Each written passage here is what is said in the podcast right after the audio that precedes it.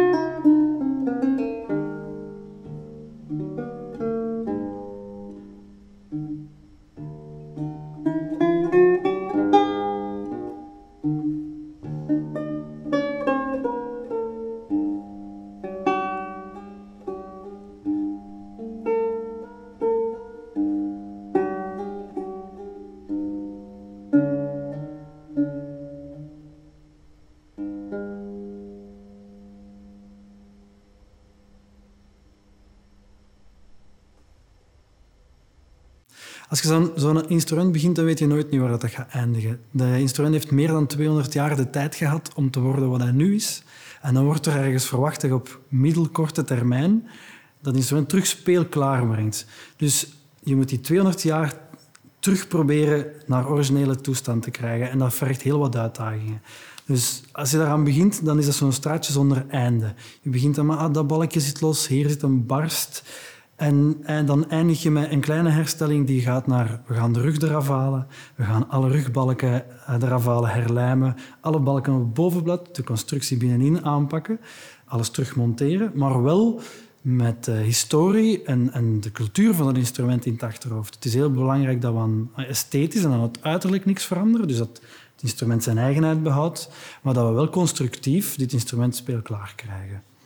Aan de buitenkant is zo goed als niets te zien, behalve wat er echt stuk was. Uh, bijvoorbeeld, om te kunnen spelen en comfortabel spelen moet je, moet je frets hebben. Uh, verschillende frets waren gebroken en stuk en die heb ik moeten vervangen. Maar dan met hetzelfde materiaal als dat de originele bouwer dat gedaan heeft. Dus als in parelmoer. En het kambeentje, daar waar de snaren overlopen, was gebroken en verdwenen. En dat heb ik vervangen met gelijkaardige onderdelen. Dus ook met been en ebbenhout, zoals origineel. Dus je moet wel met respect voor traditie dat instrument ook behandelen, met dezelfde cultuur als de bouwer toen.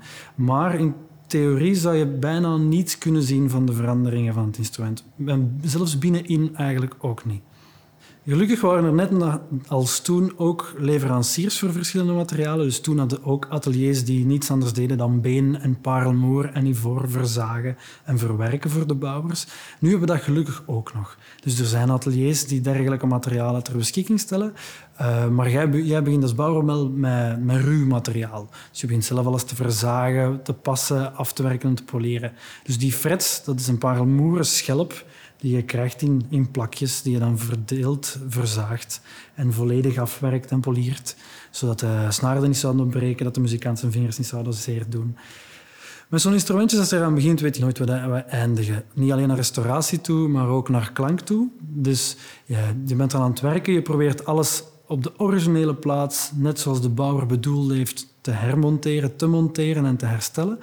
Um, maar dat maakt het soms ook raar om te zien welke keuzes dat de bouwer gemaakt heeft. Dus hij heeft bepaalde diktes gehanteerd, een bepaald gevoel gehad bij dat stuk hout, die je als restaurateur niet echt kunt imiteren. Dus dat maakt het moeilijk om in te schatten waar klankgewijs dat instrument naartoe gaat. Uh, en ik weet dat ik op het einde wel kritisch was en dacht, ja, zal het wel voldoen aan de standaarden, maar gelukkig uh, heeft het instrument mij verrast met een ongelooflijke warmte en heel mooie gebalanceerde klank. Dus een heel aangename verrassing. Thank you.